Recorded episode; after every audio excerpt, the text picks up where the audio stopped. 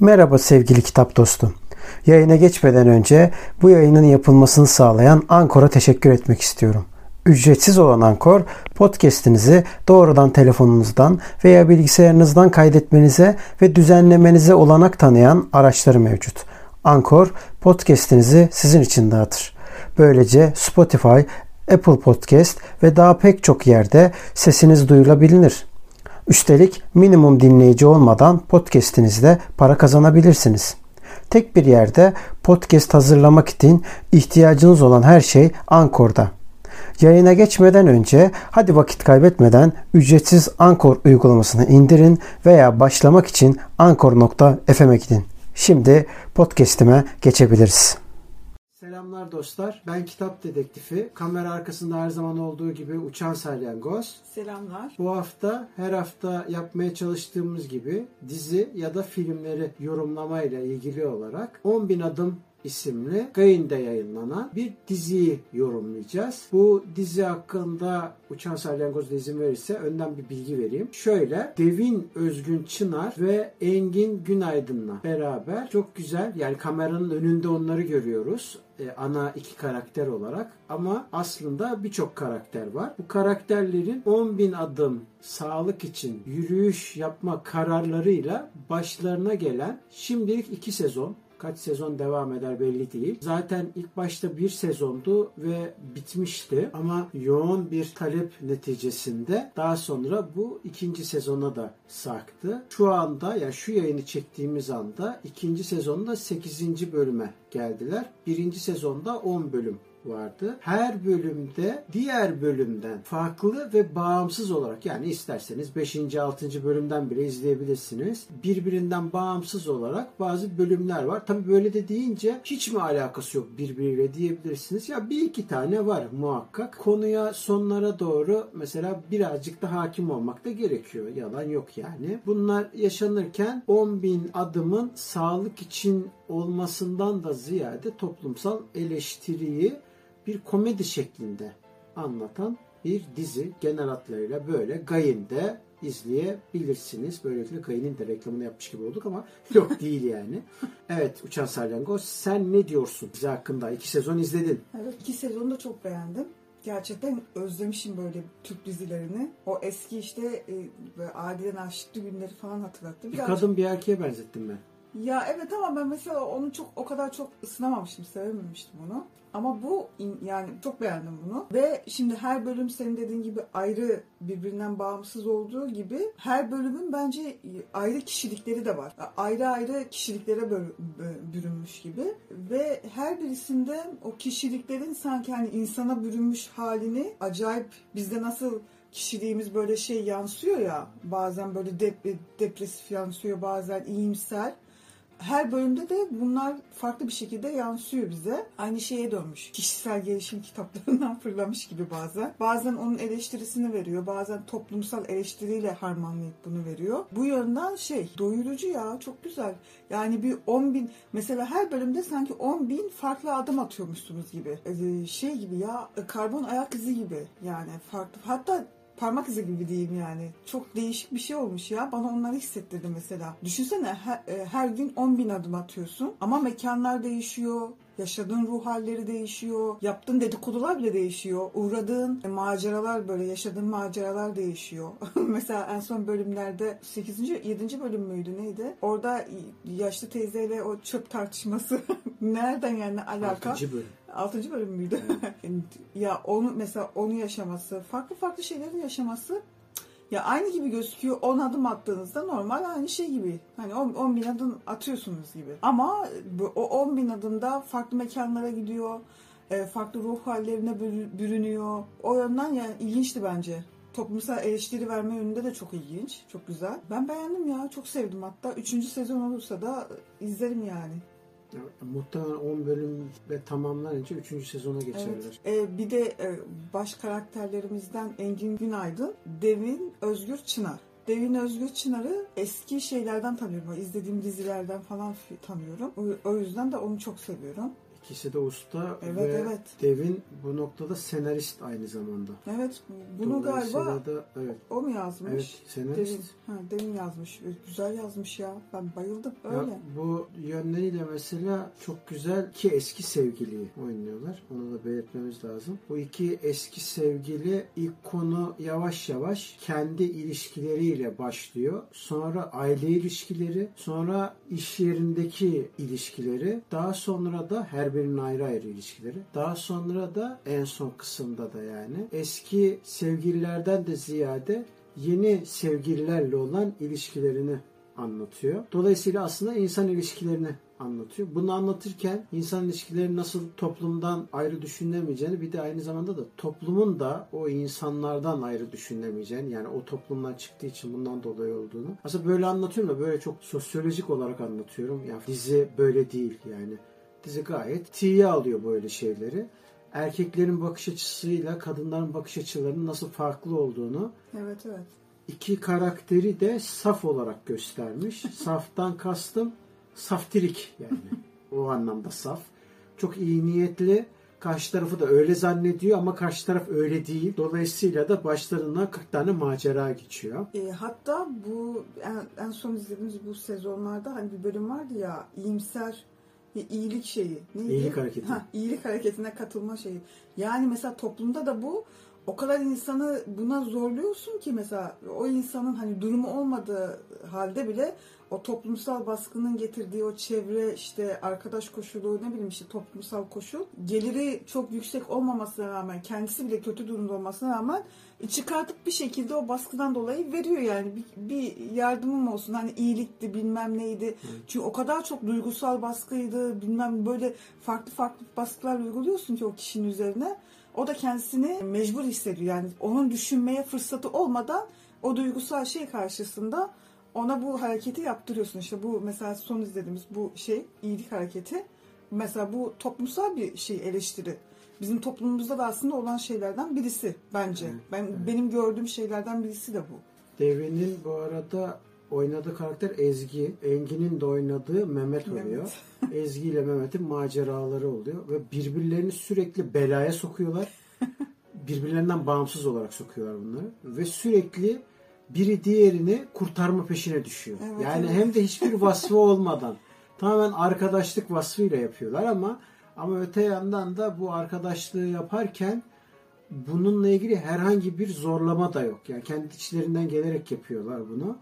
Öte taraftan da bu beladan kurtulunca söylenmeyi de ihmal etmiyorlar. Yani kendi kendine söylenmeye. Zaten senin için böyle oldu. Ben niye böyle yapıyorum falan. Ama yapıyorlar da. Ama doğal bir şey aslında yani. Doğal yani. O, işte o aslında saf olduklarını gösteriyor. Yani temiz insan tırnak içerisinde onu gösteriyor falan. Dolayısıyla da maceralar bitmiyor ve bunu yaparken tabii o kadar çok eleştiri var ki direkt dediğim gibi mesela o teyze sahnesi Evet. Mesela bunlardan bir tanesi aslında. Konuya hiç kimse bakmıyor. Herkes sonuca bakıyor. Yani nasıl geldiğini o noktaya kimse bakmıyor. Sonuca bakıyor ve bu noktada kişisel gelişim ve tırnak içerisinde iyi hissediyoruz, iyi enerji falan filan tırvırısı diyeyim. Tırvırısı içerisinde ya muhakkak buna inananlar vardır. O anlamda söylemiyorum. Biraz daha işi ekonomiye dökenler yani palavracılar anlamında söylüyorum. İşin o kısmıyla iyi astrolojiyle üçkağıtçı astroloji arasındaki fark gibi yani. Bu noktada aslında Ezgi karakteri bunu gösteriyor. Yani o kadar saf ki anlatılanları bir de emlakçı olmasının getirdiği iki tırnak içerisinde ikna kabiliyeti o retoriği göya kullanıyor. Ama zaten kendini bile hani retoriğin hiçbir işe yaramadı şuradan da belli. O iyilik hareketinden bahsettin ya. iyilik hareketinde onu kandırıyorlar aslında yani. Evet. Yani kandırıyorlar. Daha kendi bile ikna olamamış ki başkasını ikna edecek. Ama ediyor. Yani çünkü karşı taraf daha da saf. Yani saf var. Saf daha da safla şey yapıyor. O daha da safı ikna ediyor falan. Böyle bir bir paradoks gibi bir, bir hale dönüyor falan. Dolayısıyla da dediğim gibi ya sosyolojisini birazcık çıkartıyoruz ama böyle bir şey değil yani. Dizi bunu anlatmıyor elbette ki. Toplumsal eleştiriyi tiye alarak yapıyor. İşte bir çöp dökme sahnesi var. Aslında çöpleri onlar dökmediği halde bir teyzenin evinin önüne Geldi anlat. ve gel de anlat ta dönüyor olay ama ondan da ziyade şeyin dediği gibi Mehmet'in dediği gibi olay şeye dönüyor artık. Toplum sana diyor limon veriyorsa limonata yapacaksın. Yoksa o Ben limonu limonu yoksa sana yedirirler. Yani ille de o toplumun dediğini yapacaksın. Şey, Onların duymak istediğini söyleyeceksin diyor aslında oradaki sahnede. Bunu yapmadı diye hiç kim hatta bunun çok benzerini şu internette e, o onu çekiyor onu çekiyor en sonunda abuk sabuk bir sahne oluyor ya. Evet evet hani O- çanta kay- çanta mı kaybolmuş bir şey olmuş. O Hayır hayır miydi? o sahneden Diğer bahsetmiyorum. sahne miydi? Ha telefon Diğer olayı. telefondan bahsediyorum. Fotoğrafını çekiyorlar. Evet, Yani normal arkadaşlar ve fotoğrafını çekiyor. O anda bir duygusal boşluk yaşanıyor. Elinden tutuyor. E tamam olabilir ya bunda ne var? Bunu yapıyor. Bunu yaparken arkadaşı göya sözde şaka olsun diye çekip onlardan izin almadan fotoğrafı yayınlıyor. Ve sonrasında gelen maceralar diyelim. Zaten her bir bölüm bu arada en önemlisi bu. Maksimum tanıtımla birlikte tanıtım derken e, emekçilerin isimleri geçiyor introda. O kısımla birlikte 12 dakika sürüyor. Yani her bir bölüm 12 dakika. Dolayısıyla Tadımlık yani. Tadımlık aynen öyle. Ve bu az önceki bahsettiğim macera yine şeye benziyor. O teyze sahnesine benziyor. Çöp dökme sahnesine Evet, evet, çok evet. benziyor yani. Orada toplumsal bir baskıdan. Yani o noktaya nasıl geldiğini hiç kimse sorgulamıyor diyor aslında şeyde o dizide. Hiç kimse diyor o noktayı diyor sorgulamıyor. Herkes o anlık çektiği bir görüntü üzerinden yorum yapıyor. Şimdi artık haberler de o durum üzerinden yürütülmüyor. Sürekli böyle oluyor işte. Sürekli böyle. Tabii tabii.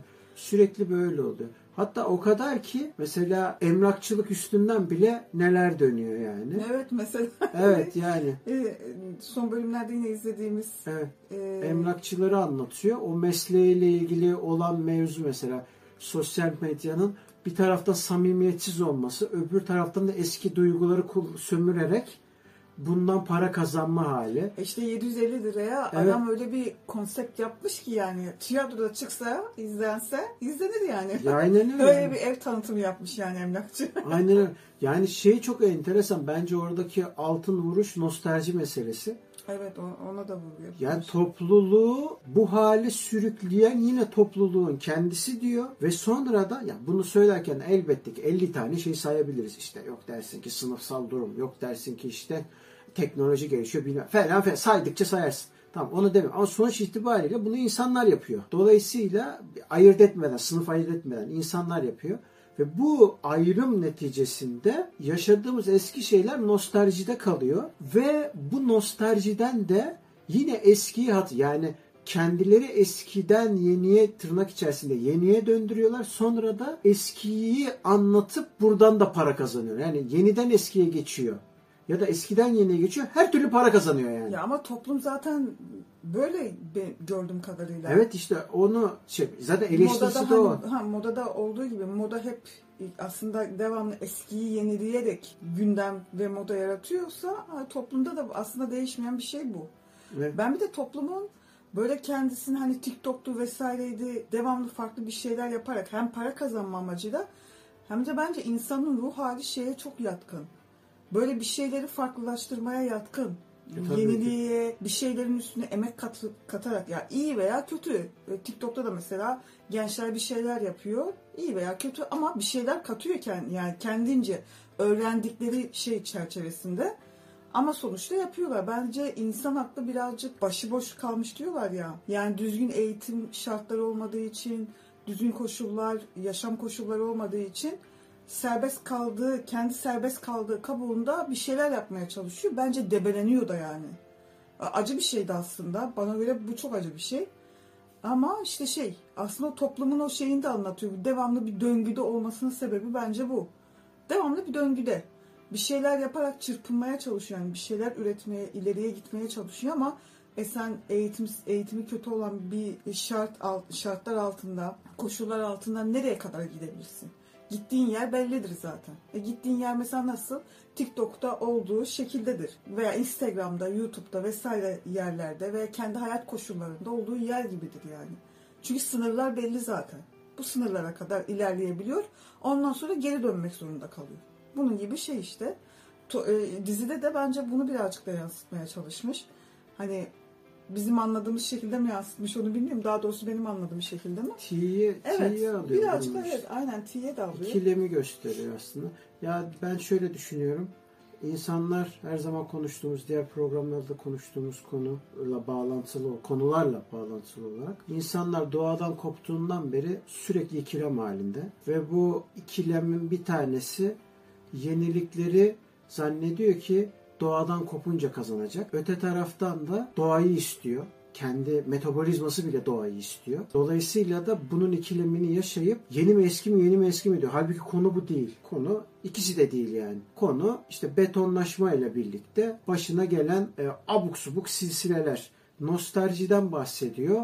Ama öte yandan da yeniliği yeniliğin kaçınılmaz olduğunu söylüyor. Diğer taraftan dönüyor. Zaten yatkın dediğin gibi senin şeye yatkın. Eskiyi yad etmeye zaten yatkın. Yaşı ilerledikçe öğrendiği tecrübeler farklılaşıyor. Dolayısıyla da aldığı birikimler eski birikimleri Daha nostaljiye nostaljiye bağlatıyor. Yo ileri de götürüyor. Birikim aldığı için Tamam. ileri götürüyor. E, götürüyor ama belli bir sınır olduğu için çarpıyor oraya. O sınıra çarpınca tekrar o hani o içine düştüğü bunalım şeyleri falan Evet. onun tekrar o nostaljiye sarılmasına da sebebiyet olmuş. Ya, ya sıkışma Oluyor işte yani. şehir sıkışmışlığının getirdiği şeyler. İşte düşünsene doğayla bir şehirdeki bir insanın doğayla bağlantısı hatta boş ver onu. Kırsaldaki insanların bile artık doğayla bağlantısı sadece küçücük parklar. Yani bence trajiktir yani bu. E, ve mesela kar yağdı. İnsanların tepkisi kar yağarken artık o kadar bir özlem olmuş ki kara. Evet.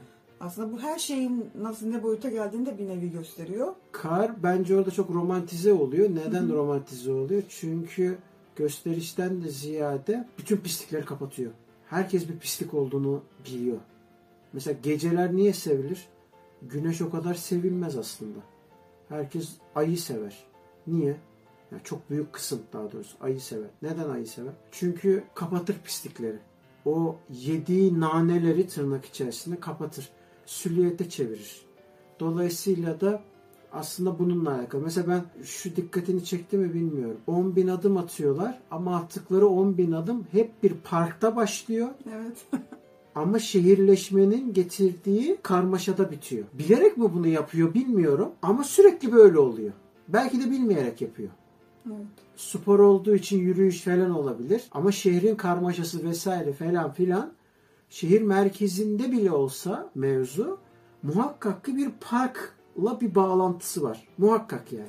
Yani merkezde de yürüse 10 bin adım atacak bir merkez şey var mı ki böyle bir düzgün İşte dolayısıyla da bir yönüyle de şehirleşmeye ters bir şeyden bahsediyor. Evet. Yani bu şehirleşmenin nasıl sağlıkla ters orantılı olduğundan da bahsediyor. Bilmiyorum zorlama mı yapıyoruz bu arada onu da bilmiyorum ama ama vardığı nokta bu. Belki de hiç bunu yapmadı. Bir noktadan sonra bir baktı böyle ne kadar doğru dedi. Devam etti böyle. O da olabilir yani. Mesela işte farklı bir mahalleye saptığında e, yaşlı bir teyzenin onlara çakması gibi mesela. Evet. Evet. O da yani ilginç. Yani gittikleri yol hep aynı yol doğrultusundaydı galiba. Evet, aynı yürüme, yol. yürüme Aynı şeyinde. yol. Farklı ha, bak mesela o, değişiklik o olsun. bölümde mesela parktan geçmediler. Ama başından daha beter bir şey geçti.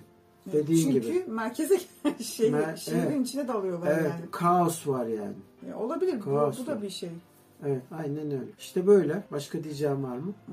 Aslında diyecek çok şey var. Bağlantı üstüne bağlantı oluyor ama hani o konu konuyu açıyor ama e, kısa kesersek aslında anlattıklarımızın şeyi içinde 10 bin adım bu. Evet, 10 bin adım dizisi bu şekilde. Dediğimiz gibi çok güzel, şirin, kısa, hap olarak yaklaşık 2-3 saat içerisinde bütün bölümleri bitirebileceğiniz çok güzel bir dizi. Gayin'de tavsiye ederiz. Görüşmek üzere. Kendinize iyi bakın. Görüşürüz.